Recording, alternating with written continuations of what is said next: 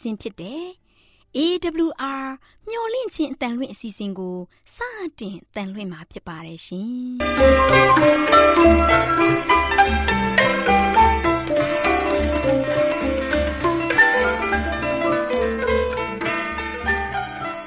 ဒေါက်တာရှင်များခင်ဗျာမျော်လင့်ခြင်းအတန်မြန်မာအစီအစဉ်ကိုနက်နက်6နိုင်မိနစ်30မှ9နာရီအထိ16မီတာ kHz 10653ည ညပိုင်း9နိုင်မှ9နိုင်မိနစ်30အထိ16မီတာ kHz 19533ညမှနေ့စဉ်အတန်လွှင့်ပေးနေပါတယ်ခင်ဗျာဒေါက်တာရှင်များရှင်ဒီကနေ့တင်ဆက်ထုတ်လွှင့်ပေးမယ့်အစီအစဉ်တွေကတော့ကျမ်းမာပျော်ရွှင်လူပေါင်းတွင်အစီအစဉ်တရားဒေသနာအစီအစဉ်အထွေထွေဘုဒ္ဓအစီအစဉ်တို့ဖြစ်ပါတယ်ရှင်ဒေါက်တာရှင်များရှင်အာရော temperament လာပန် ကျမ်းမာခြင်းသည် လူသားတိုင်းအတွက်အဓိကအရေးဖြစ်ပါသည်ဒါကြောင့်ကိုရောစိတ်ပါကျမ်းမာစေဖို့ယင်ကျမ်းမာခြင်းတရင်ကောင်းကို တင်ဆက်ပေးလိုက်ပါတယ်ရှင်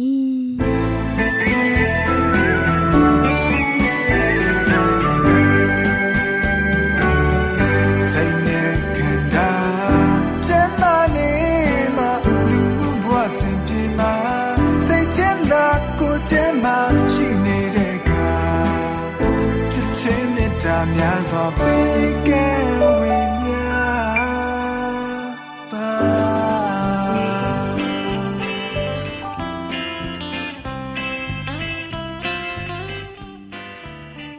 ်တတ်ရှင်မိတ်ဆွေများရှင်လူသားတို့အသက်ရှင်ရေးအတွက်အစာအာဟာရကိုမျှဝဲစားတောက်နေကြရတယ်ဆိုတာလူတိုင်းသိပါပဲ ဒီလိုစားတောက်ကြတဲ့အခါမှာစားတောက်မှုမမှန်ကန်တာတွေစားတောက်မှုအချိန်မတော်တာတွေကြောင့်ကျန်းမာရေးထိခိုက်လာပြီးယောဂဗျာတွေတိုးပွားလာတာဖြစ်တယ်ဒါကြောင့်အစာအာဟာရတွေကိုကျန်းမာရေးနဲ့ညီညွတ်အောင်ဘယ်လိုစားတောက်သင့်တယ်လဲဆိုတာသိရှိဖို့အတွက်ကျမတို့မျှဝင့်ခြင်းအသားမထုတ်လွှင့်ပေးမယ်အစာအာဟာရဆိုင်ရာအကြံပေးချက်တွေကိုလေ့လာမှတ်သားကြပါစို့ သောတာရှင်များရှင်ဒီနေ့သောတာရှင်များကို တင်ပြလိုတဲ့အချက်ကအစာအိမ်ကိုအနာပေးဖို့လိုအပ်ခြင်းဆိုတဲ့အကြောင်းနဲ့ပတ်သက်ပြီးတင်ပြပေးမှာဖြစ်ပါတယ်ရှင်သောတာရှင်များရှင်အစာအိမ်ကိုအထူးဂရုစိုက်ကြပါအဲ့ဒီအင်္ဂါအစိတ်ပိုင်းကိုစက်တိုက်ကြီးအလုံးမများစေပဲအနာပေးတဲ့အချိန်လေးရှိရမှာဖြစ်တယ်ကျမတို့စားလိုက်တဲ့အစာကို အစာအိမ်ကကြီးချက်ပြီးတဲ့နောက်နောက်ထပ်အစာတွေကိုကြေချက်ပေးဖို့အစာချက်တဲ့အရေးတွေကို တဘာဝကိုအလုံးအလောက်မထုတ်ပေးမီဘယ်အစာကိုမှမစားသင့်ပါဘူးအစာတစ်ခုနဲ့တစ်ခု9နာရီခြားပြီးစားသင့်တယ်ဒီဟာတွေကိုကျင့်သုံးဖို့အခက်အခဲရှိမှဖြစ်တယ်တနေ့ကိုအစာ3ချိန်စားခြင်းထက်2ချိန်စားခြင်းကပိုပြီးတော့ကောင်းပါတယ်လို့စိတ်ထဲမှာမှတ်ထားသင့်ပါတယ်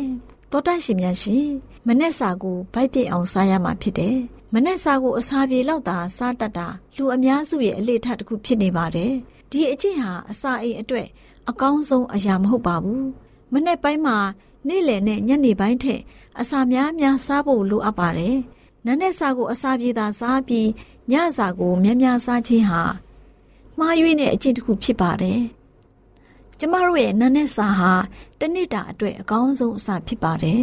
တောတရှင်များရှင်နောက်ကြမှစားတဲ့ညစာကိုလည်းကျမတို့တတိထားရမှာဖြစ်တယ်အထိုင်များတဲ့သူတွေအတွက်နောက်ကြမှစားတဲ့ညစာဟာ ကျန်းမာရေးကိုထိခိုက်စေတယ်သူတို့မှာဖြစ်ပေါ်လာတဲ့အဟန့်အတားတွေဟာတေချင်းတို့တိုင်အောင်ပို့ဆောင်မဲ့ယောဂရဲ့အစပဲဖြစ်တယ်တခါတလေဆာလောင်မှုတိတ်တလို့ရင်ထဲမှာခံစားရတတ်တယ်အမှန်မှာတော့အဲ့ဒီအရာဟာတစ်နှစ်လုံးလွန်ကျူးစွာစားထားမိခြင်းကြောင့်ဖြစ်ပေါ်လာတဲ့ခံစားမှုတစ်ခုဖြစ်တယ်အစာတစ်ခါစားပြီးတိုင်းအစာအိမ်ကိုလုံလုံလောက်လောက်အနားပေးဖို့လိုအပ်ပါတယ်။အစာတစ်ခုနဲ့တစ်ခုအကြာအနည်းဆုံး9နာရီဒါမှမဟုတ် 6နာရီခြားတင်တယ်။တစ်နေ့ကိုထမင်း3နပ်စားခြင်းတဲ့နှစ်နပ်စားခြင်းကပိုကောင်းပါတယ်။လူများစွာတို့ဟာအဲ့ရဝင်ခါနီအစာစားခြင်းဆိုတဲ့အကျင့်ဆိုးတစ်ခုကိုကျင့်သုံးတတ်ကြတယ်။တစ်နေ့ကိုထမင်း3ခါစားတဲ့သူတွေဖြစ်ပေမဲ့စားလောင်တယ်လို့အထင်ရှိတဲ့အချိန်တွေမှာ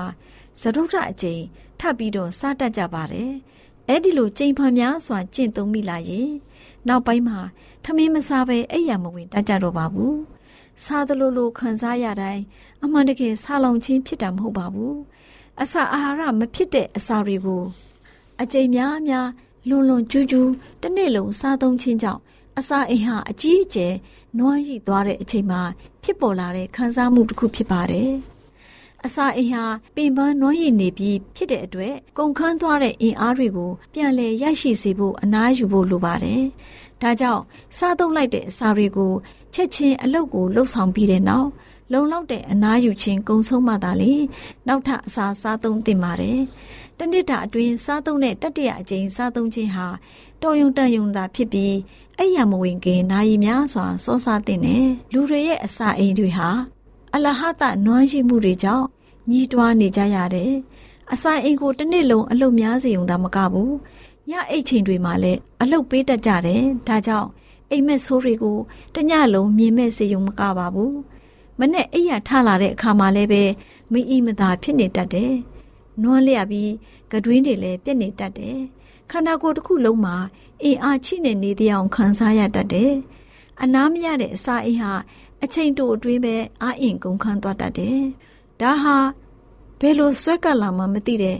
အစာမကြေယောဂရဲ့ဇစ်မြစ်ပဲဖြစ်တယ်။ အကြောင်းတစ်ခုကြောင့်အကျိုးတရားဟာထင်ရှားလာပြီဖြစ်တယ်။ဒီအကျင့်ဆိုးကိုနှစ်ရှည်လများကျင့်သုံးမိလို့ရှိရင်ကျမ်းမာရေးမှာအကြီးအကျယ်ညံ့ဖျင်းသွားပါလိမ့်မယ်။ခန္ဓာကိုယ်တွင်းရှိတဲ့သွေးတွေဟာလည်းပဲညဉ့်ညမ်းလာလိမ့်မယ်။အသားရည်တွေခြောက်သွေ့လာမယ်အရေပြားကွဲအပ်မှုတွေဖြစ်ပေါ်လာမယ်မကြခင်ဘိုက်အောင်တဲ့ဝေဒနာကိုခံစားလာရပါလိမ့်မယ်အလုတ်လုတ်စင်မှာမကြခဏရပ်နာရတဲ့အထိဘိုက်အောင်ဝေဒနာကိုခံစားလာရမှာတဲ့ ဖြစ်တဲ့ဆိုတဲ့အကြောင်းကိုအစာအာဟာရဆိုင်ရာအကြံပေးချက်ကဏ္ဍမှာကျန်းမာရေးအတွက်အကြံပေးတင်ပြလိုက်ပါတယ်ရှင်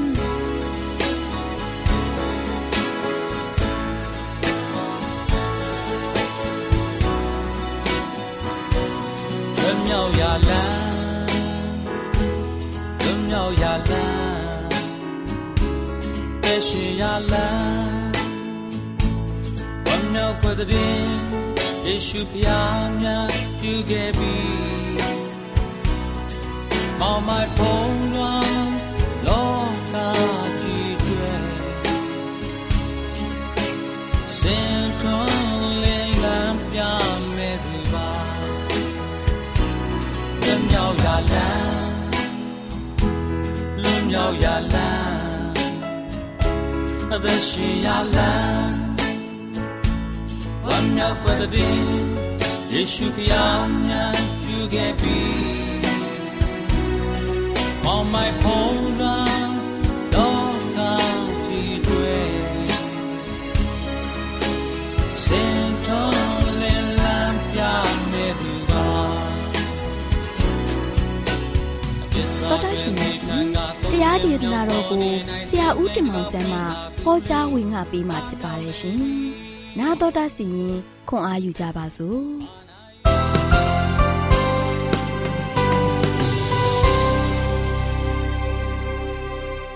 ချစ်တော်ဓမ္မမိတ်ဆွေပေါင်းတို့မင်္ဂလာပေါင်းနဲ့ပြေဝဆုံနေကြပါစေဒီနေ့မင်္ဂလာနေ့တစ်မှာပြန်လည်ပြီးတော့မင်္ဂလာသတင်းစကားကိုဆက်လက်နာတော်တာဆင်ကြပါစို့ချစ်တော်မိတ်ဆွေတို့ဒီနေ့ပေးသွားခြင်းတဲ့သတင်းစကားကတော့စစ်မှန်တဲ့တဲတော်စစ်မှန်တဲ့တဲတော်ဆိုတဲ့သတင်းစကားကိုပေးသွားမှာဖြစ်ပါတယ်ဒီနေ့ပြောသွားမယ့်စစ်မှန်တဲ့တဲတော်ဟာ ဘယ်မှာရှိသလဲဒီစစ်မှန်တဲ့တဲတော်မှာဆိုရှင်သခင်ယေရှုခရစ်တော်ကကျွန်တော်တို့အတွက်ဘာတွေလှုပ်ဆောင်ပေးမလဲဆိုတာကိုဆက်လက်ပြီးတော့ကျွန်တော်တို့ကြည့်ရှုနာတော်တာဆင်ကြပါစို့ဟေပြောင်းဩရာစာခန်းကြီးခုနှစ်အငယ်25မှာဆိုရှင်အကျဉ်သူတို့သည်ယေရှုအားဖြင့်ဖျားသခင်ထံတော်သို့ချင်းကပ်ကြ၏သူတို့ကိုအစဉ်ကဲတင်ခြင်းကတတ်နိုင်တော်မူ၏ချစ်တော်မိတ်ဆွေတို့စစ်မှန်တဲ့တဲတော်သို့မဟုတ်ဗိမာန်တော်ဟာကောင်းကင်နိုင်ငံတော်မှာရှိပါတယ် မြေကြီးပေါ်မှာဖြစ်ပျက်ခဲ့တဲ့အရာခတ်သိန်းကိုကဲတင်ခြင်းစီမံကိန်းမှာပြက်ခဲ့တဲ့ပုံစံကိုဖော်ပြထားပါတယ်ဒါချစ်တော်မိတ်ဆွေတို့သခင်ယေရှုဟာဆိုရှင်သေခံတဲ့သိုးတငယ်ဖြစ်ပါတယ်။သခင်ယေရှုဟာဆိုရှင်အသက်ရှင်တဲ့ယေဘရဟိတ်မင်းဖြစ်ပါတယ်။ဒါသခင်ယေရှုခရစ်တော်ဟာကျွန်တော်တို့ရဲ့ကြီးမြတ်တဲ့ယေဘရဟိတ်မင်းဖြစ်ပါတယ်။ဣသေလလူတို့ရဲ့ယေဘရဟိတ်မင်းဟာဆိုရှင်အတန်ရှင်သောခန်းကိုတနှစ်တစ်ချိန်ဝင်ရတယ်လို့ပဲ။ သခင်ယေရှုခရစ်တော်ကလည်းနောက်ဆုံးသောကာလမှာအတန်ရှင်သောခန်းတဲ့ကိုဝင်ပြီးတော့တရားစီရင်ခြင်းအမှုကိုဆောင်ရွက်နေပါတယ်တရားစီရင်တဲ့အခါမှာသခင်ခရစ်တော်နဲ့ကျွန်တော်တို့ရဲ့ဆက်ဆံမှုနဲ့သူ့အပေါ်မှာထားတဲ့သဘောထားကကျွန်တော်တို့ရဲ့ထာဝရဆုံးကမ်းကိုဆုံးဖြတ်ပေးမှာဖြစ်ပါတယ်သခင်ခရစ်တော်ကဆိုရှင်ကျွန်တော်တို့ကိုကယ်တင်ဖို့အလိုရှိပါတယ်။ဒါရှင်မသက်ခရစ်ဝင်ခန်းကြီး30ငယ်30နဲ့33မှာ သူဟာဆိုရှင်ကျွန်တော်တို့ကိုကယ်တင်နိုင်ဖို့ရန်အတွက်အတတ်နိုင်ဆုံးဆောင်ရွက်နေပါတယ်။ဒါကြောင့်အချင်းသူသည် လူတို့ရှေ့မှာငါ့ကိုဝန်ခံအံ့။ကောင်းခင်ဘုံ၌ရှိတော်မူသောငါဤခမဲတော်ရှေ့မှာထိုသူကိုငါဝန်ခံမည်။အချင်းသူသည် လူတို့ရှေ့မှာငါ့ကိုညင်းပယ်အံ့။ကောင်းကင်ဘုံ၌ရှိတော်မူသောငါဤခမဲတော်ရှေ့မှာထိုသူကိုငါညင်းပယ်မည်ဆိုပြီးတော့ဖော်ပြထားပါတယ်။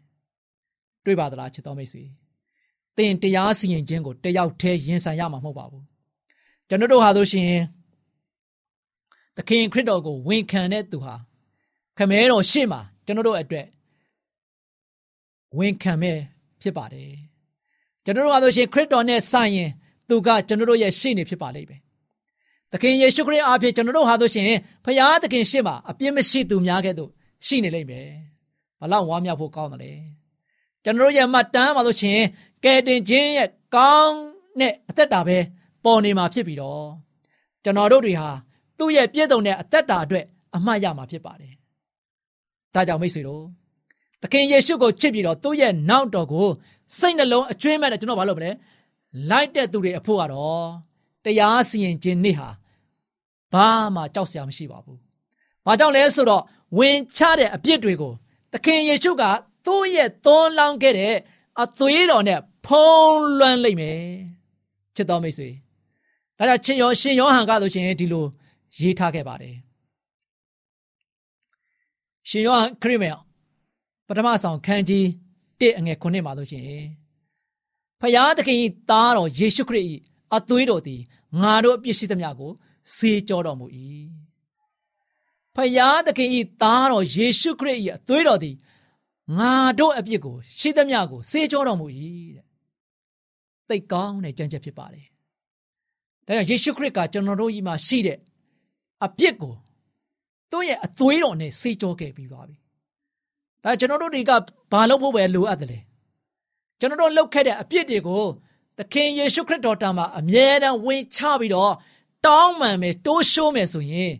ယနေ့ကျွန်တော်တို့ပေါ်မှာတိတ်ချစ်တဲ့ခရစ်တော်ဘုရားကသူ့ရဲ့အသွေးတော်နဲ့ ဆေးကြောပေးမှာဖြစ်ပါတယ်။ဒါကျွန်တော်တို့ဟာဆိုရှင်ကဘာကြီးရဲ့နောက်ဆုံးကာလမှာနေထိုင်နေကြပါတယ်။ခရစ်တော်ကြွလာခြင်းမတိုင်မီမှာဆိုရှင်တရားစီရင်ခြင်းဟာ1844ခုနှစ်ကတည်းကကောင်းကင်ခုံရုံးမှာဆိုရှင်စတင်ခဲ့ပါတယ်။တရားစီရင်ခြင်းဟာဆိုရှင်အာဘေလနဲ့စတင်ခဲ့မှာသိကြပါတယ်။နော်။သူဟာဆိုရှင်ကဘာကြီးမှာသေဆုံးခဲ့တဲ့ပထမဆုံးဖြောင့်မတ်တဲ့သူတစ်ယောက်ဖြစ်ပါတယ်။ ဒါရှင်ပေတရုဩရာစာပထမဆောင်ခန်းကြီးလေးအငယ်9 19မှာဆိုရှင်ရှင်ဘောလူကအခုလိုရေးသားထားခဲ့ပါတယ်။ဖျားသခင်အိမ်တော်သားတို့ကိုရှေးဥစွာစစ်ကြောစင်ရသောအချိန်ရှိပြီတဲ့။နောက်တနည်းပြောရမယ်ဆိုရင်တော့တရားစီရင်ခြင်းရလို့ရှင်တော့ဖရာသခင်ရဲ့လူများလို့ကိုယ့်ကိုယ်ကိုခေါ်တဲ့လူတွေနဲ့အရင်ဆုံးစတင်ပါလိမ့်မယ်။ဒါချစ်တော်မိတ်ဆွေတို့တရားစီရင်ခြင်းကကျွန်တော်တို့ ဖရာသခင်ကိုယုံကြည်ပြီးတော့ဖရာသခင်ရဲ့ဖြောင်းမရလမ်းကိုလိုက်လျှောက်တဲ့သူတွေဖရာသခင်ရဲ့ရင်ဝင်ကုန်တော်ထဲမှာအမြဲတမ်းတိုးဝင်ပြီးတော့ခေါ်လုံနေတဲ့သူတွေအဖို့ပထမဆုံးစတင်ပြီးတော့တရားစီရင်ခြင်းခံမှာဖြစ်ပါတယ်။အဲ့ဒီလိုဒီကေဟာတို့ရှင်ဖျားရှင်ရှေ့မှာရောက်သွားတဲ့ခါမှာကျွန်တော်တို့ကစိုးယွံကြောက်လန့်ထိတ်လန့်ခြင်းမရှိဘဲနဲ့ဒီတရားယုံမှာကျွန်တော်တို့အတွက်မာမမမရက်တည်ပြီးတော့ကျွန်တော်တို့လုပ်ခဲ့တဲ့အပြစ်တွေကို အသွေးတော်နဲ့ဖုံးလွှမ်းပြီးတော့ဆေးကြောပေးမယ်ခရစ်တော်ကိုယ်တိုင်ကရှိနေတဲ့အတွက်ကြောင့်ကျွန်တော်တို့ရဲ့အဖော်မွန်တရားသူကြီးရှေ့မှာရှေ့နေတာကျွန်တော်တို့အတွက်ဝမ်းမြောက်ဖွယ်ရာဖြစ်မှာဖြစ်ပါတယ်။ဒါချစ်တော်မိတ်ဆွေတို့ယနေ့ကျွန်တော်တို့ဘာလို့တိဆောက်ကြရမလဲ။ဒီတရားစီရင်ခြင်းမှာကျွန်တော်တို့အားလုံးကသခင်ယေရှုခရစ်ရဲ့ထောက်ခံမှုနဲ့အတူသူ့ရဲ့တင်ဆက်မှုကိုကျွန်တော်တို့တွေကကြားနာခြင်းခံရတဲ့အခါမှာ လွတ်ချင်းတရားကိုရရှိပြီးတော့ထာဝရသက်ရရှိဖို့ရန်အတွက်ကျွန်တော်တို့ရဲ့ဘဝတက်တာကိုဖျားရှင်နဲ့တိဆောက်ကြပါစို့ကျွန်တော်တို့ရဲ့ဘဝတက်တာကိုရှင်သန်တဲ့အခါမှာဖျားသခင်ရဲ့အလိုတော်ဖျားသခင်ရဲ့နောက်တော်ကိုလိုက်လျှောက်သက်ရှင်ခြင်းအပြင်ယနေ့ကျွန်တော်တို့ပုထုဇဉ်လူသားတွေဖြစ်ပါတယ်ဇာတိသဘောအရကျွန်တော်တို့ဟာအပြစ်သားတွေဖြစ်တယ်ဒီအပြစ်တွေကိုကျွန်တော်တို့ကမဲ့မောပြီးတော့နေ့စဉ်နဲ့ရက်မြနိုင်မိနစ်စက္ကန့်မပြတ်ဖ ೇನೆ လုံနေမိတယ်။တနေ့တနေ့ကျွန်တော်တို့လုပ်ခဲ့တဲ့အပြစ်တွေကဆိုရှင်လက်ချိုးရည်တွဲလို့ကုန်ချင်မှကုန်နိုင်မယ်။သို့ပေမဲ့ချစ်တော်မိတ်ဆွေ ကျွန်တော်တို့ရဲ့အပြစ်တွေဘလောက်ပဲလုံနေပါစေကျွန်တော်တို့ကကျွန်တော်တို့ချစ်တဲ့ခရစ်တော်ဖျားကိုဖယံမိကိုပြီးတော့အပြစ်တွေကိုဝင်ချတောင်းမှမယ်ဆိုရင်သခင်ယေရှုခရစ်တော်ကအဲ့ဒီချိန်မှာကျွန်တော်တို့ရဲ့အပြစ်မြောင်များစွာကိုအသွေးတော်နဲ့ဖုံးပြီးတော့စီကြောပေးသွားမှာဖြစ်ပါတယ်။ဒါကျွန်တော်တို့ရဲ့တက်တာကိုခရစ်တော်အားဖြင့်ကယ်တင်ခြင်းပါလို့ရှိရင်ဖြောင်းမှတ်ခြင်းခံစားဖို့ရန်အတွက်ယနေ့ဖရာသခင်ရဲ့အလိုတော်နဲ့ညီ ဘဝတက်တာကိုတိဆောက်ကြပါစို့လို့အားပေးတိုက်တွန်းနေနေကုန်းချုပ်ပါတယ်။ချစ်တော်မိတ်ဆွေများအားလုံးဖရာသခင်ကြွယ်ဝမြတ်ပြစွာကောင်းကြီးမလားတောင်းချပေးပါစေ။ခေတ္တကနာဆုတောင်းကြပါစို့။အထက်ကောင်းငယ်ပေါ်၌တရှုံထော်ရရှင်ဖပါယနေ့ကိုရှင်ဖျားသည်သားမီးတို့ကိုသိချစ်ပါ၏သားမီးတို့ဒီကိုရှင်ဖျားရဲ့ကောင်းခင်တရားယုံမှာအရောက်စီတိုင်းရင်ဆိုင်ကြရမည်ဖြစ်ပါတယ်ကောင်းကင်တရားရုံးမှာရင်ဆိုင်ကြရမယ်ဒီတရားစီရင်ခြင်းမှာသားသမီးတို့ဒီအပြစ်သားရာဇဝတ်သားကဲ့သို့ သွားရောက်ခြင်းမဟုတ်သေးဘဲနဲ့ကိုရှင်ဖျားရဲ့ရှေ့တော်မောင်း၌တရားစီရင်ခြင်းမှာတို့ရှင်ကနဦးဆုံးကိုရှင်ကိုယုံကြည်သောသူများကိုးစားသောသူများကိုရှင်နဲ့တူဖယံတော်သူများအရင်ဆုံးတရားစီရင်ခြင်းခံမှာဖြစ်ပါတယ်ဒီကြောင့်သားမျိုးတို့ဒီအသက်တာမှာကိုရှင်နဲ့တူပုံမပြီးမှဖယံမိကိုကြား၍ကိုရှင်ဖျားရဲ့တရားယုံမှာဝမ်းမြောက်ဝမ်းသာစွာဖြင့်ခံယူနိုင်ကြပြီးတော့ကျွန်တော်မျိုးတို့ရဲ့အသက်တာကိုရှင်းနေအဖြစ်ဆောင်ရွက်ပေးမဲ့သခင်ခရစ်တော်ရဲ့မျက်နာအဖြစ် သားမျိုးသည်ရှင်လန်းဝမ်းမြောက်ပြီးတော့ခွန်အားအသည့်ဖြင့်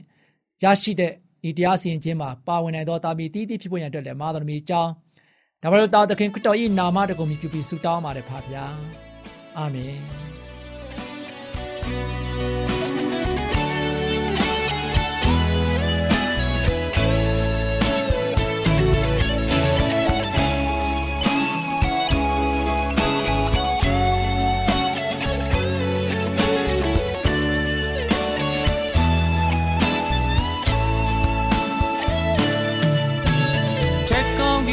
တောက်တဲ့ရွှေပြည်တော်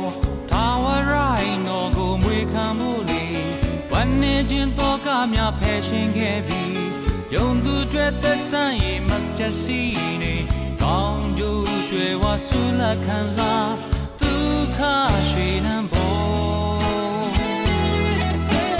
ဘုံကြောင့်ပါလင်း၌ပင်ကျွန်တော်ဝိညာဉ်အစရှောင်းလန့်ခဲ့တင်ရာပြီဆိုတည်တံ စီစိန်ဆွန့်ခဲ့သူညီသက်ချင်းရှင်လူလူတိုင်းဖြစ်နုံမှာခံယူဖို့ရန်ရဲမလွန်မြောက်ချစ်ခွင်ကိုပေးအံွယ်ခဲ့တဲ့ရှင်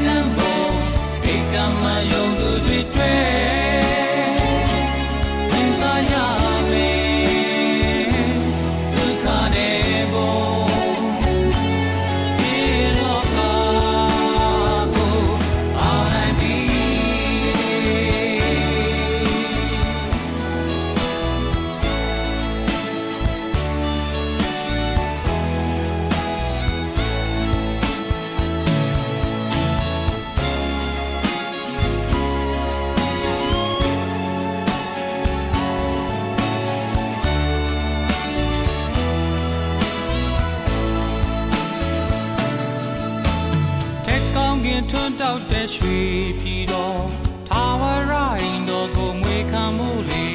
ဝမ်းနေခြင်းတော့ကများဖယ်ရှင်ခဲ့ပြီးယုံသူတွေသက်ဆိုင်ရမပျက်စီးနေကောင်းကျိုးကျွယ်ဝဆူလာခံစား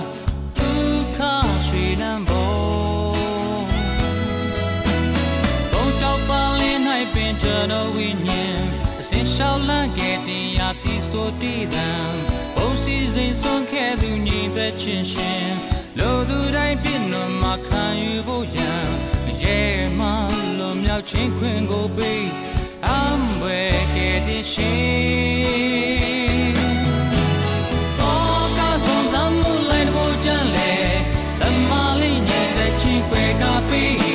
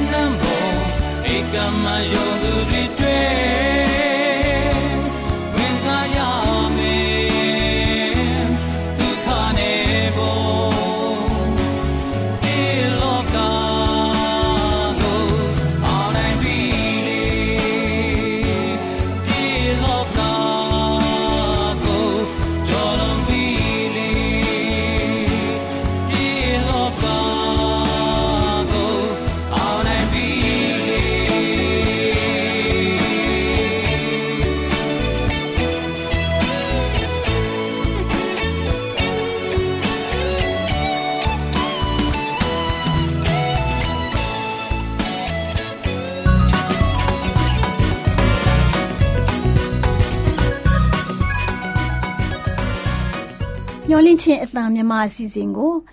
နာတော်တာဆင်နေကြတဲ့တူလေးတူမလေးတို့အားလုံးမင်္ဂလာပေါင်းနဲ့ပြည့်ဝကြပါစေတူလေးတူမလေးတို့ရေဒီနေ့ဒေါ်လေးလှလှပြောပြမယ်မှတ်သားဖို့ရတမချန်းစာပုံမြင်လေးကတော့မျက်မမြင်နှစ်ယောက်အတွက်ဝမ်းမြောက်ဖွယ်ဆိုတဲ့ပုံပြင်လေးပေါ့ကွယ်တူလေးတူမလေးတို့ရေယေရှုခရစ်တော်ဟာသူ့တပည့်တော်12ယောက်နဲ့လှည့်လဲပြီးလူတွေရဲ့ယောဂကိုပျောက်စေတယ် လူတွေကိုလည်းတရားဟောပြီးဆုံးမပဲ့ပြင်တဲ့ကွယ်တနေ့တော့သူတို့တွေဟာခရီးထွက်ဖို့ယေရီခေါမြို့ကနေထွက်ခွာလာကြတယ်အဲ့ဒီလမ်းမှာမျက်မမြင်သားဖနှစ်ယောက်ရှိတဲ့ဖခင်ရဲ့အမိကတိမဲဖြစ်ပြီးသားရဲ့အမိကဘာတိမဲလို့ခေါ်တဲ့ကွယ်တိမဲနဲ့ဘာတိမဲဟာအဲ့ဒီလမ်းမှာလူသွားလူလာတွေကို တောင်းစားနေတဲ့မျက်စိမှမမြင်ပဲ ဘယ်လိုအလုပ်လုပ်နိုင်မှာလဲဒါကြောင့်လူတွေကိုပဲတောင်းရန်စားနေရတဲ့ကွယ်ယေရှုခရစ်တော်နဲ့တပည့်တော်တွေရဲ့အနောက်ကိုလူအုပ်ကြီးကလိုက်လာကြတော့စူးစူးညံ့ညံ့အတန်ကိုမျက်မမြင်နှစ်ယောက်ကကြားတာပေါ့ဒါဝတ်ရဲ့သားတော်ယေရှုခရစ်တော်ကြွလာတယ်ဆိုတော့ပြောသံတွေလည်းကြားမှာပေါ့ကွယ်ဒါကြောင့်တောင်းစားနေတဲ့မျက်မမြင်တို့ဟာဘယ်လိုအော်ဟစ်ကြတယ်လဲဆိုတော့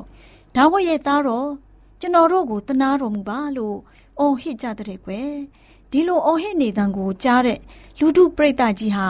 မျက်မမြင်တို့ကိုတက်တိတ်ဆိတ်ဆိတ်နေဖို့မော်အော်ဖို့ငောင်ငန်းပြောဆိုကြတဲ့ကွယ်ခလေးတို့ရေအဲ့ဒီမျက်မမြင်တို့ဟာမတိတ်ပဲဒါဝတ်ရဲ့သားတော်ကျွန်တော်တို့ကိုတနာတော်မူပါလို့ပို့ပြီးတော့အော်ဟစ်ကြတဲ့ကွယ်သူတို့ရဲ့အတန်ကိုကြားတဲ့ယေရှုခရစ်တော်ဟာရက်တန်းပြီးသူတို့ကိုခေါ်ခိုင်းလိုက်တယ်လူတချို့ဟာမျက်မမြင်တို့စီသွားပြီး ဟဲ့လူတို့ထပါတခင်ယေရှုကိုတော်မင်းတို့ကိုခေါ်နေတယ်လို့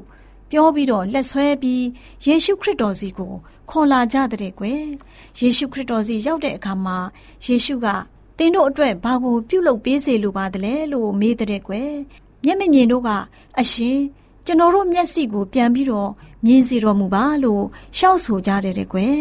ဒီအခါယေရှုခရစ်တော်ဟာသူတို့ကိုသိပြီးသနာသွားတာပေါ့ကွယ် သူတို့မျက်စိကိုကြည့်လိုက်တဲ့အခါမှာလဲဘာမှမြင်ရဖို့မပေါ်ဘူးကွလူတွေအသီးအသီးကအုပ်အုပ်ကြက်ကြက်နဲ့သွာလာနေကြတာပြောဆိုနေကြတာကိုလည်းကြည့်ချင်ရှားကြမှာပဲလို့တွေးမိပြီးအနားကိုခေါ်လိုက်တယ်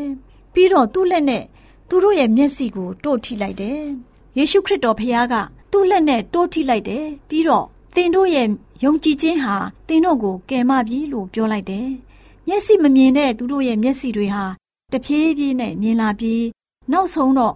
ထင်ထင်ရှားရှားမျက်စိမြင်လာပြီးတော့လူကောင်းတယောက်လိုဖြစ်လာကြတဲ့ကွယ်မျက်မမြင်နှစ်ယောက်ဟာ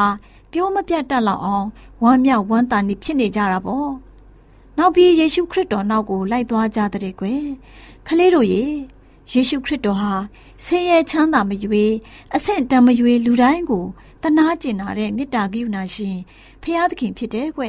ဒါကြောင့်လမ်းမှာတောင်းစားနေတဲ့မျက်မမြင်နှစ်ယောက်ကို လူတွေကအော်ငေါ့ထုတ်ကြပေမဲ့ယေရှုခရစ်တော်ဖခင်ကမအော်ထုတ်ပဲသူတို့လိုလားချက်ကိုတောင်းဆိုစေခဲ့တယ်။မျက်မမြင်တောင်းစားနေတဲ့လူနှစ်ယောက်ကလည်းယေရှုခရစ်တော်သူတို့ရဲ့မျက်စိကိုပြန်မြင်အောင်ပြုလုပ်ပေးနိုင်တာအကျွေးအမဲ့ယုံကြည်တဲ့အတွက်အော်ဟစ်အကူအညီတောင်းကြတာပေါ့။ဒါကြောင့်ယေရှုခရစ်တော်ကိုယုံကြည်ခြင်းအစစ်အမှန်နဲ့တောင်းလျှောက်လို့ရှိရင်အမြဲပဲကူညီမဆာပေးနေပါတယ် ခလေးတို့လည်းကိုလိုအပ်တဲ့အရာကိုယုံကြည်ခြင်းအပြည့်အဝနဲ့ဇွဲမလျှော့ပဲတောင်းလျှောက်မယ်ဆိုရင်ယေရှုခရစ်တော်ဟာအမြဲပဲနာညောင်းပြီးကူညီမဆာပါလိမ့်မယ်ခလေးတို့ကိုဖျားသခင်ကောင်းကြီးပေးပါစေ။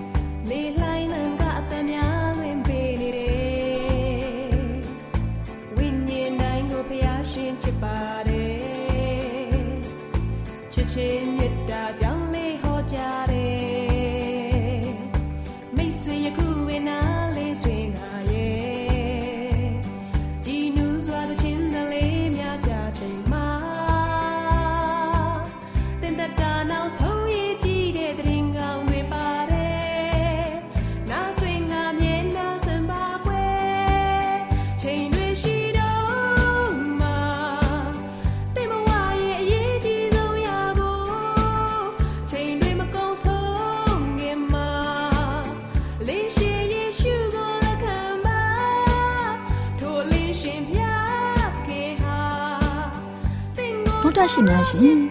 ကျမတို့ရဲ့ဓာတ်ရိတ်တော်စပေးစာယူတင်နန်းဌာနမှာ အောက်ပါတင်ဒားများကိုပို့ချပေးလျက်ရှိပါတယ်ရှင်တင်ဒားများမှာစိတ်ဓာတ်ဒုက္ခရှာဖွေခြင်းခရစ်တော်၏အသက်တာနှင့်တုန်တင်ကြများတဘာဝတရားဤဆရာဝန်ရှိပါကျမ်းမာခြင်းနှင့်အသက်ရှိခြင်းသင်နဲ့တင့်ကြမာရေးရှားပွေတွေ့ရှိခြင်းလမ်းညွန်သင်ခန်းစာများဖြစ်ပါရဲ့ရှင်။သင်တန်းအလုံးဟာအခမဲ့သင်တန်းတွေဖြစ်ပါတယ်။ ဖြည့်ဆို့ပြီးတဲ့သူတိုင်းကိုဂုံပြုလွှာချီးမြှင့်ပေးမှာဖြစ်ပါရဲ့ရှင်။တော်တာရှင်များခင်ဗျာဓာတိတော်အတန်းစာပေးစာယူဌာနကိုဆက်သွယ်ခြင်းနဲ့ဆိုရင်တော့ဆက်သွယ်ရမယ့်ဖုန်းနံပါတ်ကတော့39 656 296 336နဲ့39 98 316 694ကိုဆက်သွယ်နိုင်ပါတယ်ဓာတိတော်အတန်းစာပေးစာယူဌာနကိုအီးမေးလ်နဲ့ဆက်သွယ်ခြင်းနဲ့ဆိုရင်တော့ L A L R A W N G B A W L A @gmail.com ကိုဆက်သွင်းနိုင်ပါတယ်။ဒါ့အပြင်အတန်စာပေးစာဥထာဏာကို Facebook နဲ့ဆက်သွယ်ခြင်းနဲ့ဆိုရင်တော့ S O E S A N D A R Facebook အကောင့်မှာဆက်သွင်းနိုင်ပါတယ်တော်တာရှင်များရှင်ညှိုလင့်ချင်းတန်ရေဒီယိုအစီအစဉ်မှာတင်ဆက်ပေးနေတဲ့အကြောင်းအရာတွေကိုပိုမိုသိရှိလိုပါကဆက်သွယ်ရမယ့်ဖုန်းနံပါတ်များကတော့ 39ခွန်63 986 126ဖြစ်ပါတယ်ရှင်။နောက်ထပ်ဖုန်းတစ်လုံးနေနဲ့39ခွန်6ခွန်88ခွန်669တို့ဆက်သွယ်မြင်းမြန်းနိုင်ပါတယ်ရှင်။တော်တာရှင်များရှင် KSTA အာကခွန်ကျွန်းမှာ AWR မျိုးလင့်ချင်းအတံမြန်မာအစီအစဉ်များကိုအတံလွှင့်ခဲ့ခြင်းဖြစ်ပါတယ်ရှင်။။ AWR မျိုးလင့်ချင်းအတန်ကိုနာတော်တာဆင် gay ကြတော့တော်တာရှင်အရောက်တိုင်းပေါ်မှာ ဖျားသခင်ရဲ့ကြွယ်ဝစွာသောကောင်းကြီးမင်္ဂလာတက်ရောက်ပါစေ။ကိုယ်စိတ်နှဖျားစမ်းမွှေနှမ်းကြပါစေ။ကျေးဇူးတင်ပါတယ်ခင်ဗျာ။